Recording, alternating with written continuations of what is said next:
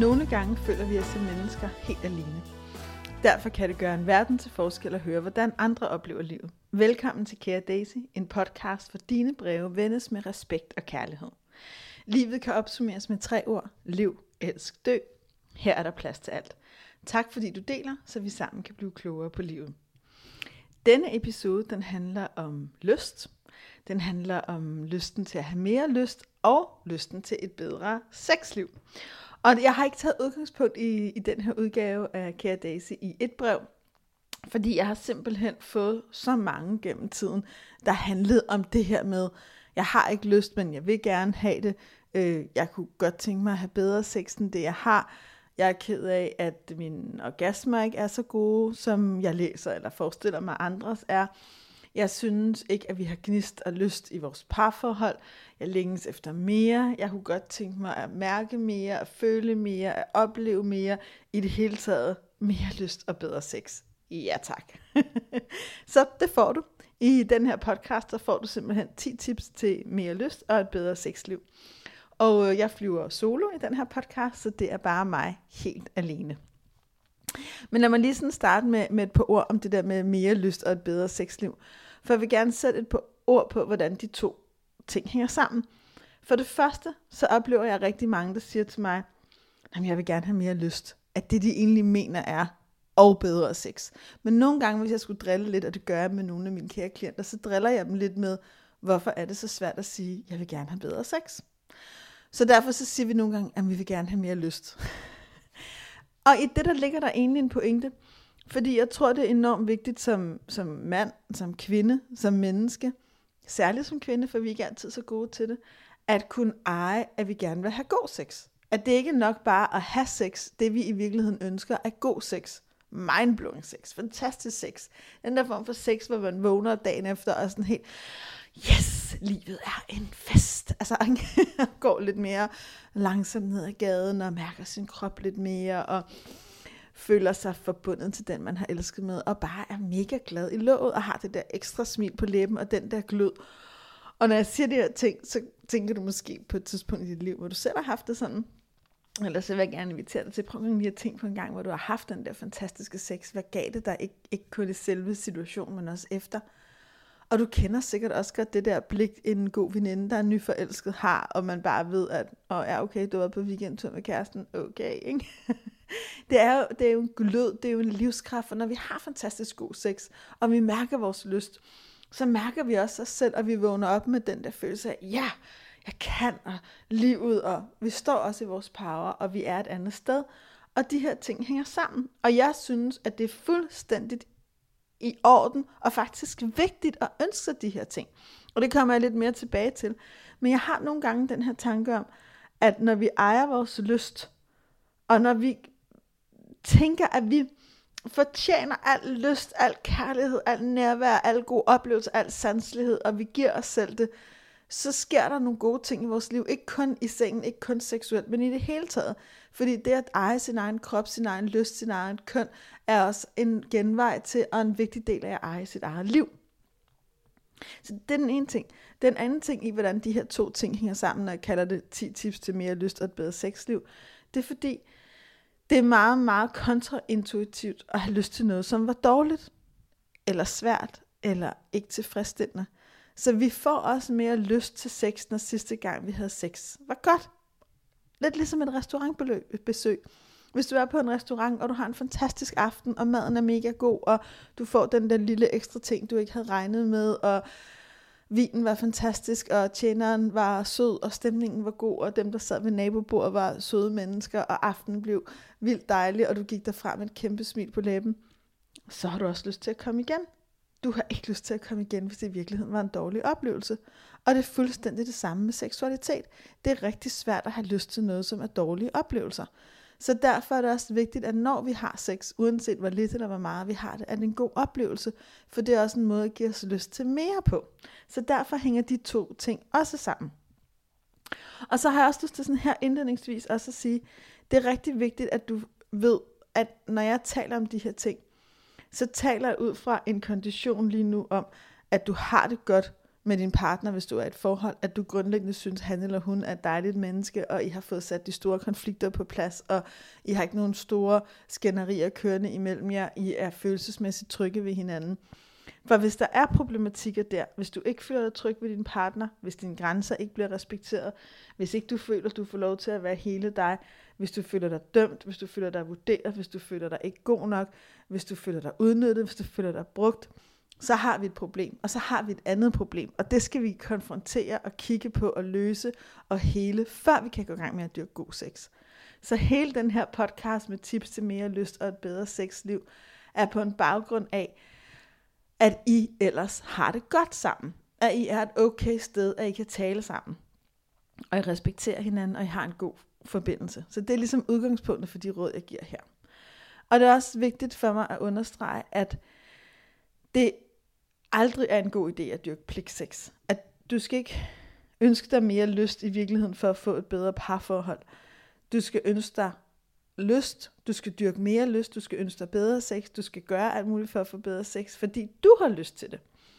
Og nogle gange der er den lyst stor og tydelig, og den stærk liderlighed, og andre gange er det måske mere et ønske om at opleve liderligheden og tætheden og den gode sex. Og begge dele er fint, men det skal være for din skyld. Det skal komme fra dig af. Fordi ellers så bliver det bare endnu en ting, du får puttet på to-do-listen og forventningen til dig selv. Og det vil jeg allerede nu godt fortælle dig. Det giver ikke mere lyst og bedre sex. Så ikke derfra, fra din lyst, for dine ønsker, for dit begær. Ikke for at tilfredsstille nogen andre, ikke for at leve op til, hvad end du tror idealet er, ikke for at være sådan en, der også kan det, fordi du har lyst til det. For når du erobrer din lyst og skaber det sexliv, der tænder dig, så er der glæde og power i det. Ikke kun i dit sexliv, men i hele dit liv. Og det er det, jeg synes, der er fantastisk. For hvis ikke du tager din egne lyster, længsler og ønsker alvorligt i de mest intime dele af dit liv, men slipper det for at plise andre, hvor slipper du så også dig selv for at plise andre? Det er et spørgsmål. Og det er i virkeligheden det er helt modsatte, jeg ønsker. Du skal starte med at plise og glæde og nyde dig selv. Så. Øh, nu vil jeg give dig det første råd. og det er sådan lidt det samme boldgade. Det første råd er i virkeligheden en refleksionsspørgsmål, og det er det her. Hvad tænder dig. En anden kan ikke tænde dig, og du, kan, du kan ikke have god sex. Og den der lille ild i dig kan ikke flamme til et stort bål af lyst, hvis ikke du ved, hvad der tænder dig. Så start lige med at bruge lidt tid på enten nu, tryk mig på pause, og så tage et stykke papir, og så bare brainstorm, hvad tænder mig egentlig? Øh, sterinlys, øh, stivpikke, øh, øh, olie, olie ud over hele min krop, øh, duftende rosenbrev, champagne, bobler i min mund. Nej, nej, nej, vent undertøj, lingerie, teltur, mm, tid, ro, bål. Jeg ved det ikke, vel? jeg siger bare et eller andet. Men du skal finde ud af, hvad er det egentlig, der tænder dig? Og det er ikke fordi, du skal lave den, den definerede liste once and for all, men prøv en gang i virkeligheden at gøre det her refleksionsspørgsmål. Hvad tænder dig? Til en, en refleksion, du ofte har med dig selv. Hvad tænder mig egentlig i dag? Er det, er, det, er det sanselighed? Er det noget hårdt og frægt og pludselig og overraskende? Er det noget regelbrydende, rebelsk? Åh oh, nej, vi burde ikke, men vi gør det alligevel. Der er en klit, haha. Øh, er det at blive set i øjnene, blive mærket, at blive kysset, at blive hyldet? Er det, jeg ved ikke hvad det er. Men hvad tænder dig? Jo mere du stiller ind på, hvad der tænder dig, jo mere kan du dele det med den, du elsker med, jo mere kan du give dig selv det. Så en fantastisk genvej til mere lyst og bedre sex, det er virkelig at stille ind på, hvad tænder dig. Og lov mig, når du stiller ind på det her, og gør det fra et ærligt sted. Ikke ud fra forestilling om, hvad der burde tænde dig, eller hvad du har hørt andre gøre, men helt ærligt gør det til en opdagelse med dig selv. Og jeg kan fortælle, at det er måske 5-6 år siden, jeg meget, meget konkret selv begyndte at arbejde med det her spørgsmål. Hvad tænder mig? Og det tog mig lang tid i virkeligheden at finde ud af det, fordi jeg har ikke været vant til i virkeligheden at tænke over, hvad der tændte mig. Jeg er opdraget med en god poptøse seksualitet, hvor jeg har været meget fokuseret på min mands behov, og hvad der tændte ham, og hvad jeg troede var god sex. Så i virkeligheden var det for mig en meget selvkærlig og meget rebelsk og oprørs ting, hvor jeg gjorde op med mange ting i mit liv og begyndte at fokusere ind på, hvad tænder mig. Og det vil jeg gerne dele med dig. Så et super vigtigt spørgsmål, jeg har stillet mig selv i overvis nu, og som stadigvæk giver mig opdagelse og glæde, det er, hvad tænder dig i dag? Tip nummer to, det er i virkeligheden at gå i den anden retning og spørge dig, Hvad slukker dig? Øhm, og det er enormt vigtigt at vide, fordi hvis der er noget imellem jer, hvis der er et eller andet i din hverdag, hvis der er et eller andet i dag, som i virkeligheden slukker dig, så er det vigtigt at kigge på det. Og det er også vigtigt at acceptere. Men når du ved, okay, jeg blev helt vildt slukket, fordi jeg blev super irriteret over at føle, at du afbrød mig, eller ikke lyttede til, hvad jeg havde at sige om dit arbejde, eller hvad ved jeg, så kan det også være en forhindring. Og den forhindring skal takles. Den skal der ligesom ryddes op i. Jeg, jeg tror, det er enormt vigtigt hele tiden at rydde op i de ting, som kan forhindre kærligheden og energien i at flyde mellem os. Det kan også slukke dig, og det kan være, når du spørger dig selv, hvad slukker mig egentlig, at du er opmærksom på, jeg er for træt om aftenen, for mine dage er for hårde, jeg får ikke lavet op, så når jeg når til kl. 21.07, så er jeg bare flad, så vil jeg bare se Netflix. Okay, så det slukker mig egentlig, at jeg arbejder for hårdt, eller jeg ikke har pauser. Det slukker mig, at jeg ikke har det godt i min krop. Det slukker mig, at jeg har ondt i nakken. Det slukker mig, at jeg føler hele tiden, at der er nogen, der har behov for mig. Hvad end det er. Så prøv en gang at stille ind på os og spørg dig selv, hvad slukker mig egentlig? For i det, der er der noget indsigt og visdom i nogle steder, du måske kan skrue lidt i dit liv og give dig selv mere plads til dig, mere glæde, mere nydelse. For jo mere vi ligesom skruer op for de ting, der tænder os, jo mere vi skruer op for vores glæde og nydelse, jo mere lyst får vi også. Lyst til sex, lyst til livet, og derfra kan vi begynde at arbejde med et bedre sexliv og et bedre liv. Men det er enormt vigtigt også at være opmærksom på, hvad slukker der egentlig? Og så tage de ting alvorligt og gøre noget ved det. Næste råd, nummer tre, det er i virkeligheden, gør sex til en fejring af dig selv. Og når jeg siger fejring af dig selv, så mener jeg din krop, din sjæl, din kvindelighed. Gør det til en måde at forbinde dig med dig på. Det vil sige, sex, det at røre ved dig selv, det at udveksle sex og kærtegn med en anden, skal være noget, hvor du føler dig fejret. Noget, hvor du føler, der også at du er tæt på dig. For selvom vi har sex med andre, er det også vigtigt også at have med, at vi altid har sex med os selv. Jeg er også en stor fortaler for at have sex med sig selv. Så det, jeg, det jeg godt kunne tænke mig at invitere dig til øh, under det her tip, det er, have jævnligt sex med dig selv, have jævnligt sanselighed med dig selv, have jævnligt små stunder med dig selv. Tag dig tiden til det. Gør eventuelt også det nogle gange, at du simpelthen skaber et smukt rum, luft ud i soveværelset, ryst alle puderne, øh, brug en duftspray, hvis du kan lide det. Tag et bad, sæt tempoet ned, kom creme på din krop, sæt musik på, tænd lys, hvis det er rart. Øh, tag sexet undertøj på, hvis du kan lide det. Tag den tegneserie med erotiske billeder, du måske har stående et eller andet sted frem og kig i den. Hvad end der virker for dig. Men forbered et rum. Så når jeg nævner alle de her ting med at ryste puderne og luft ud og tænde lys og gøre det smukt, så er det fordi, jeg gerne vil invitere dig til at fejre dig.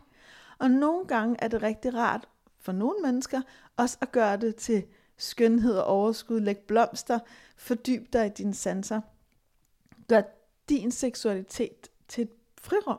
Til et sted, hvor du går ind og tanker op, hvor du får lov til bare at være. Og det kan godt være, at du starter med bare at ligge og dufte de rene laner, eller um, dufte en dejlig creme og stille og roligt røre ved dig selv. Og at det er det, du har brug for den dag. Det er bare at lægge hænderne på dine bryster, eller på din mave, eller på din pande, og lad de følelser, der er i dig, være der. Men så start der. Men begynd at tænke over sexlivet og sansligheden som en fejring af dig, og en måde, hvor du forbinder dig til dig på. Og når du gør det, så sker der noget. Og mit næste råd, nummer 4, det hedder, lad sexlivet med din kæreste være en hyldest til jeres kærlighed.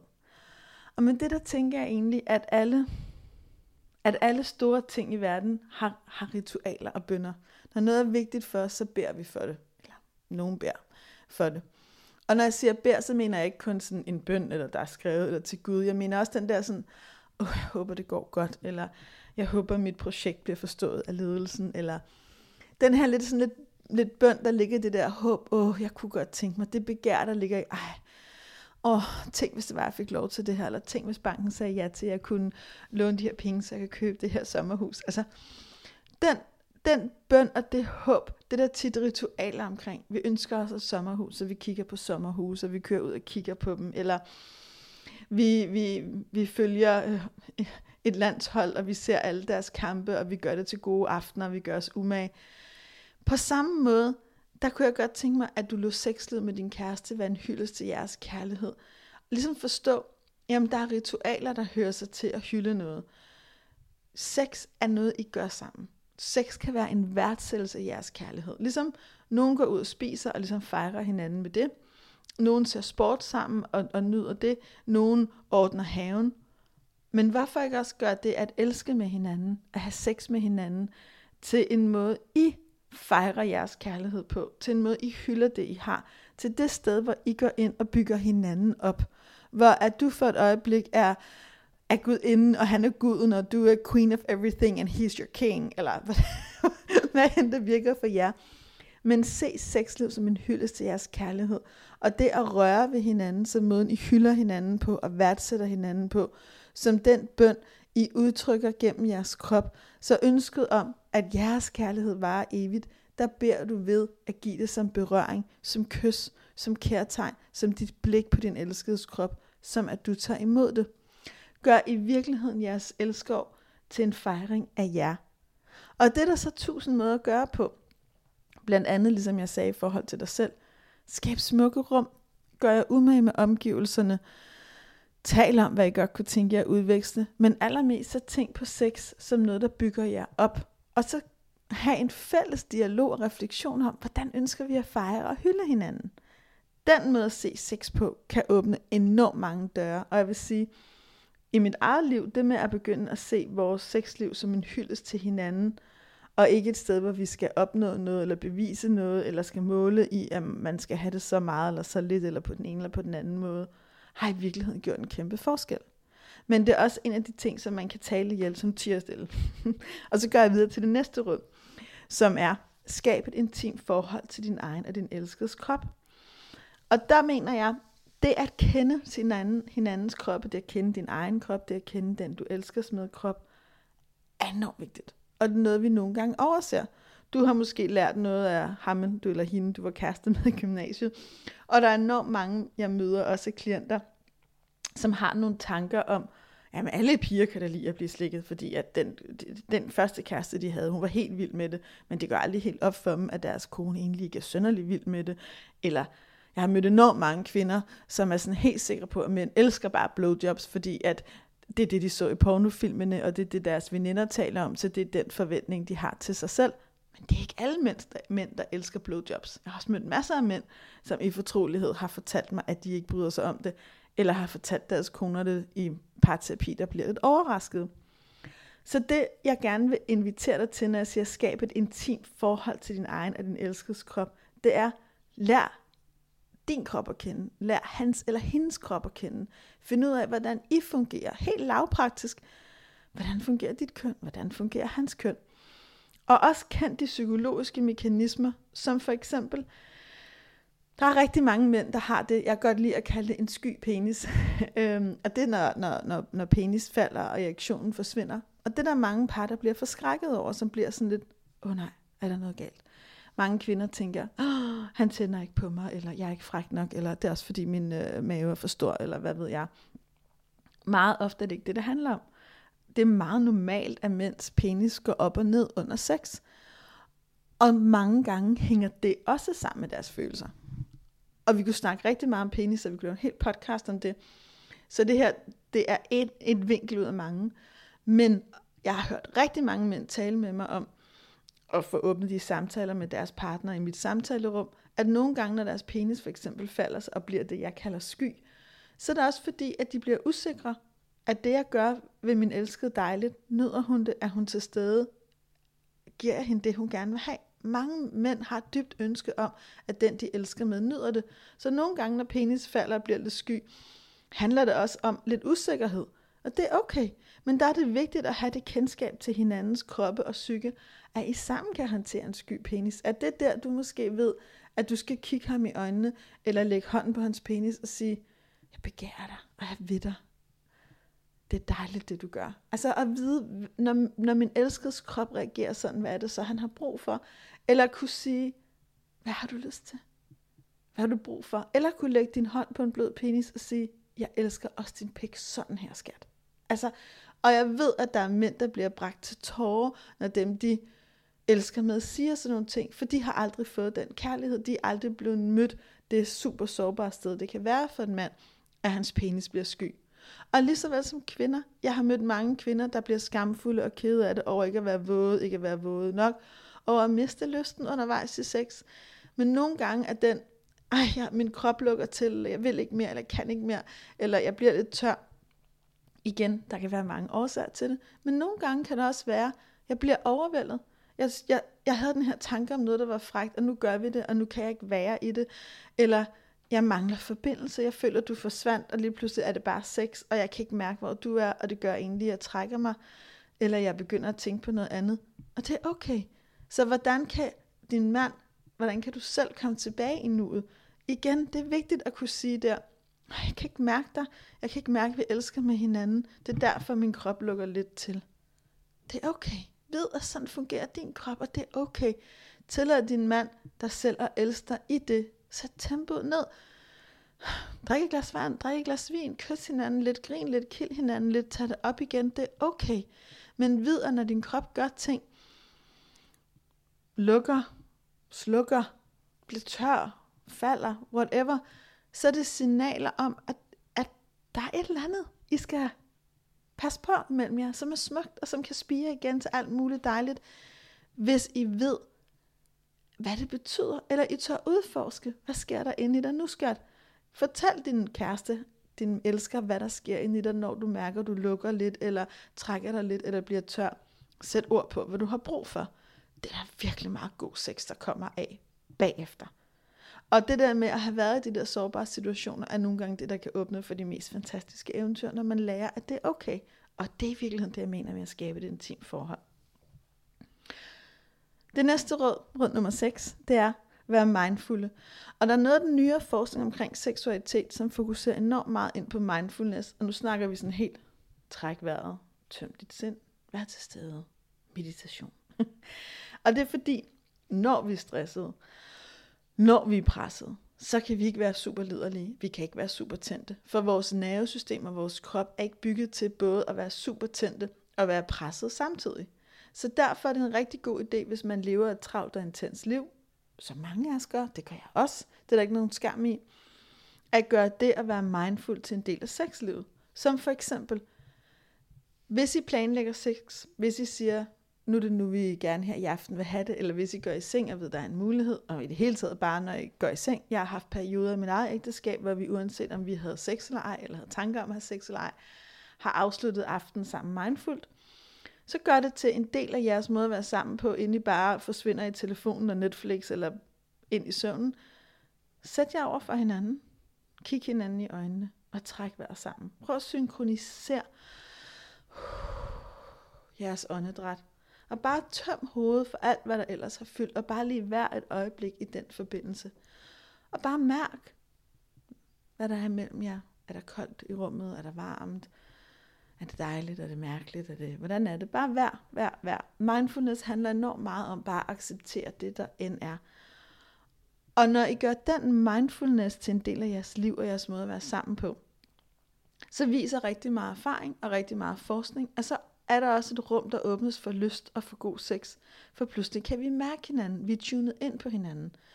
Så en måde at skabe mere lyst på, er meget enkelt i virkeligheden at starte et helt andet sted, nemlig ved at skabe mere ro og dybere forbindelse.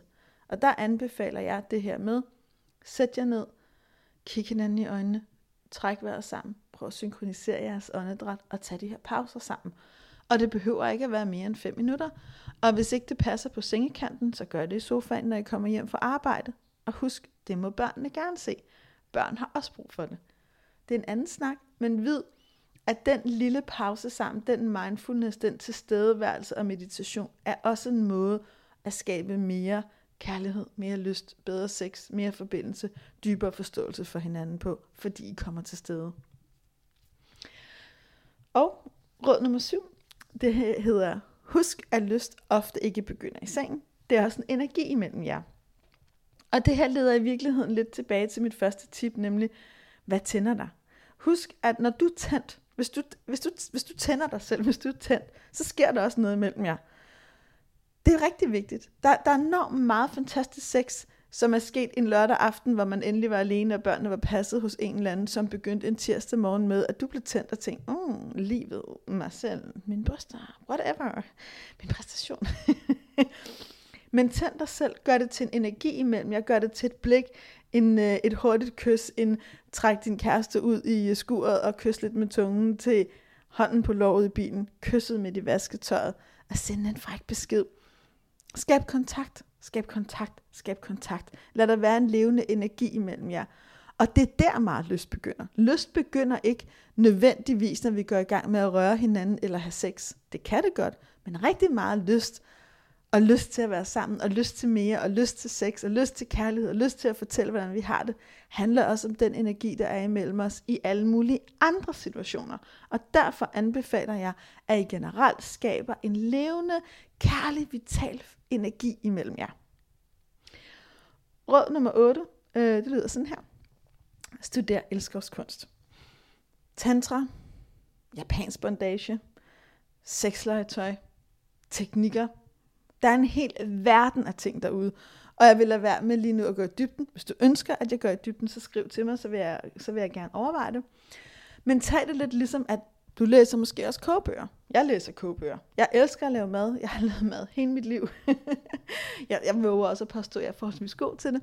Men jeg læser stadigvæk kogebøger. Jeg bliver, for nylig blev jeg optaget af sådan noget mellemøstlig mad, så købte jeg et par kogebøger og læste dem, fordi jeg vidste ikke rigtig meget om, hvordan man laver den form for mad. Nu har jeg leget med det i et års tid. Det er lidt samme tanke. Hvorfor ikke også lære noget nyt om dit sexliv? Hvad vil der ske, hvis du introducerer en tantra-teknik, eller en ræb-teknik, eller en what do I know-teknik? Det er ikke vigtigt, hvad du vælger, men der kan ske noget spændende imellem jer, når I studerer elskovskunst sammen. Og jeg elsker det der begreb om elskovskunst, for det er en kunst. At være en god elsker, at give hinanden god sex, at passe på sin egen krop, at virkelig kende sin egen krop, det er ikke noget, der bare sker, fordi vi har en drift og kan finde ud af at knalde. Det, det er en meget lille del af landkortet. Det er lidt ligesom at sige, at fordi du hopper ned i havet og pjasker lidt rundt, så kan du svømme. Det er ikke det samme, som hvis du kan svømme butterfly, eller crawl, eller en kilometer, eller altså, der er enormt mange ting i livet, en større dybde og mere at lære, og mere glæde, og mere, mere af alting at få, hvis vi også studerer det. Og derfor synes jeg også, du skal studere elskovskunst. Romaner, noveller, tegneserier, porno. Der er en hel verden derude. Studer, kig, bliv inspireret, prøv nogle ting af. Hvilket fører mig til øhm, råd nummer 9, som hedder, lær at sige ja, nej og måske med respekt og kærlighed. og det er sådan lidt, det, jo mere vi i virkeligheden går i gang med at studere og udforske og prøve nogle ting af, jo mere er det vigtigt, at vi har et fundament imellem os sat helt på plads, som er, at du må altid til sige nej. Du må sige nej, inden du går i gang med sex, under sex, i slutningen af sex. Du må altid sige nej. Og det at vide, at du til hver en tid kan sige nej, eller nej tak, eller ikke mere, eller stop, eller sæt tempoet ned, eller giv mig en pause, er også det, der gør, at du kan sige ja. Og det er sindssygt vigtigt i et parforhold, at man kan sige ja og nej frit. Og når jeg ligesom betoner det, så er det fordi, jeg ved, at mange af mine klienter går ikke i gang med at studere elskovskunst, eller sætte tid af til sex, eller tale om sex, eller udvide deres seksualitet, fordi rigtig mange kvinder har mødt er bange for, at hvis de går i gang med noget, så skal de udføre. Og hvis du har den tanke, så er det lige nu, du bestiller en tid, og lige nu, du tager en samtale med din kæreste. Men det er i hvert fald på den ene eller den anden måde lige nu, du går op med det. Fordi det er den sikre vej til at dræbe alt imellem jer. Det er forudsætningen for at kunne sige ja, ja, ja, at du også kan sige nej, nej, nej. De to ting hænger sammen. Du kan ikke åbne, hvis ikke du kan lukke. Hvis ikke du bliver respekteret og mødt i dit nej, vil jeg også hævde, at du ikke kan give slip i dit ja. Fordi så går du hele tiden og holder dig lidt tilbage, fordi du bliver bange for, at hvis jeg nu går i gang med det, så skal jeg derhen, og der ved jeg ikke, om jeg vil hen. Så derfor er det bedre at holde mig her i det sikre.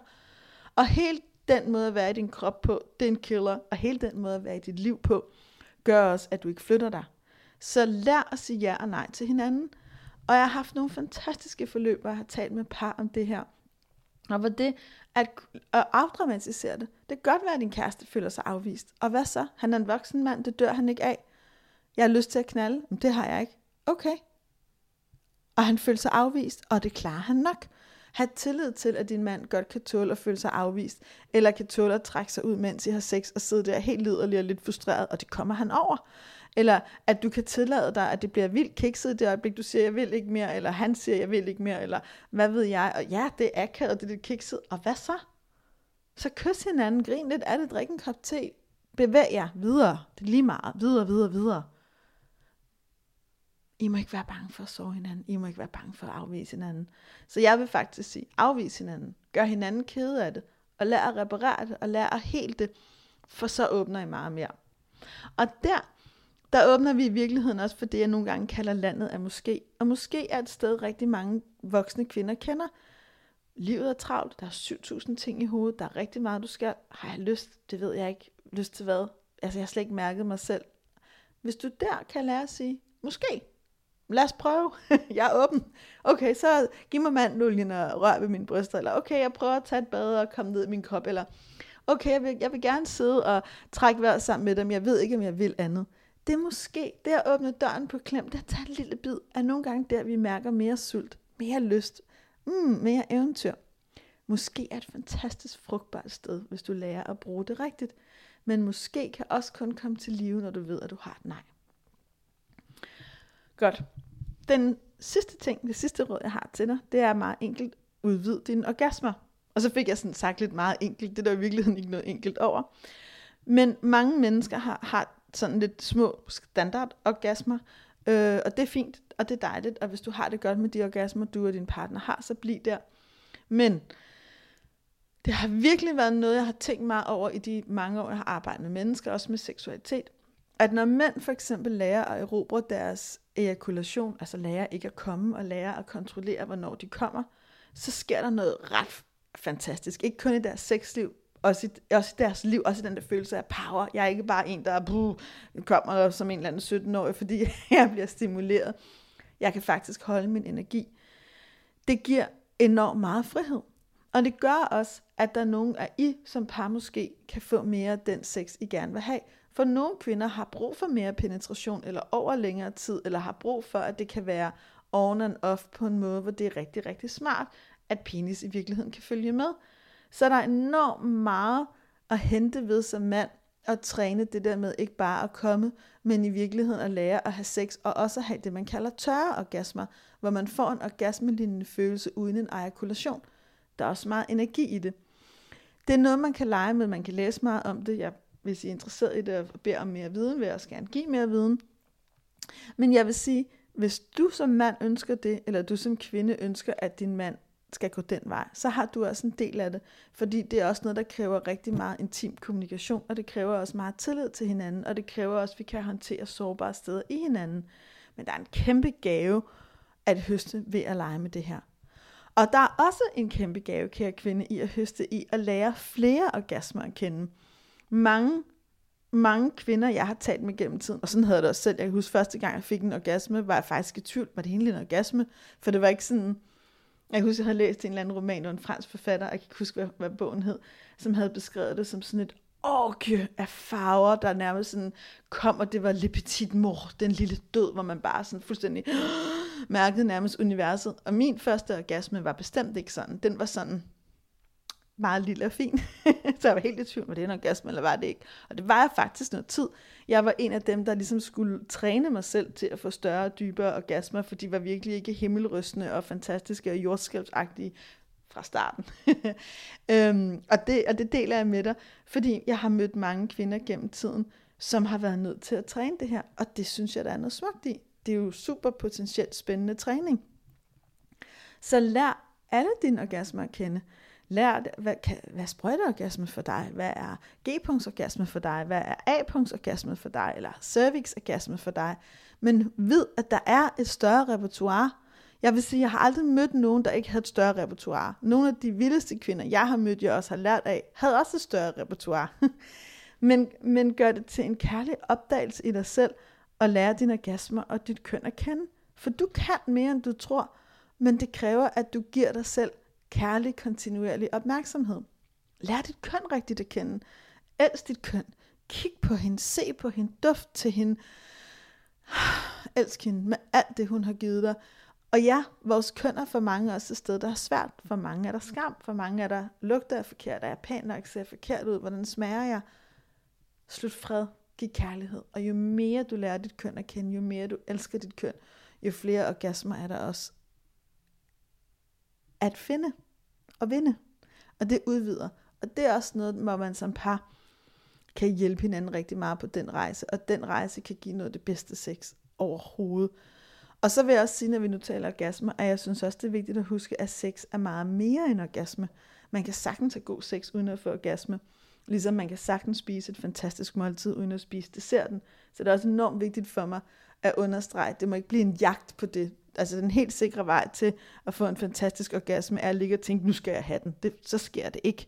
Det handler i virkeligheden meget mere om at nyde dit sexliv. Og det er så i virkeligheden måske bonusrådet. Dyrk din nydelse. Alt det her handler om at nyde. Nyd.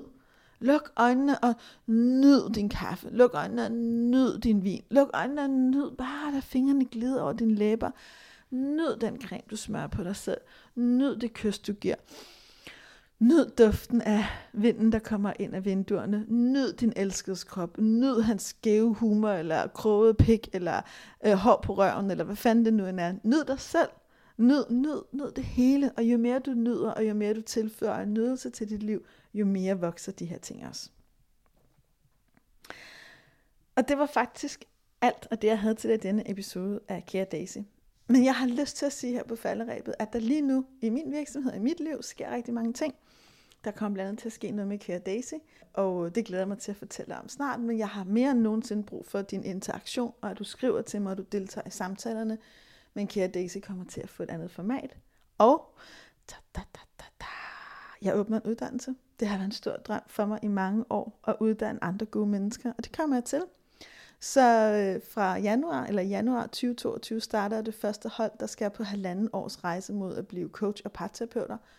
Og når jeg kalder det coach og parterapeut, så er det fordi, nogle par har brug for terapi, og nogle par har i virkeligheden mere brug for råd og coaching og guidance og rådgivning.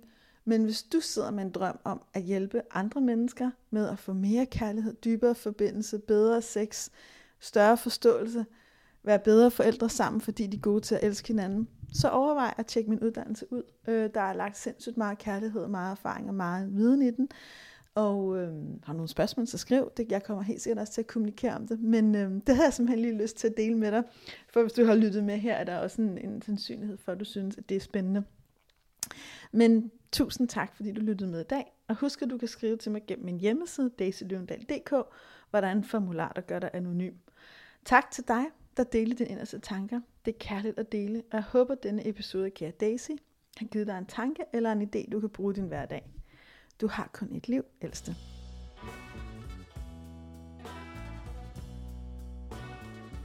Du lyttede til Kære Daisy, en podcast, der vender nogle af livets dilemmaer og får dig til at føle dig mindre alene.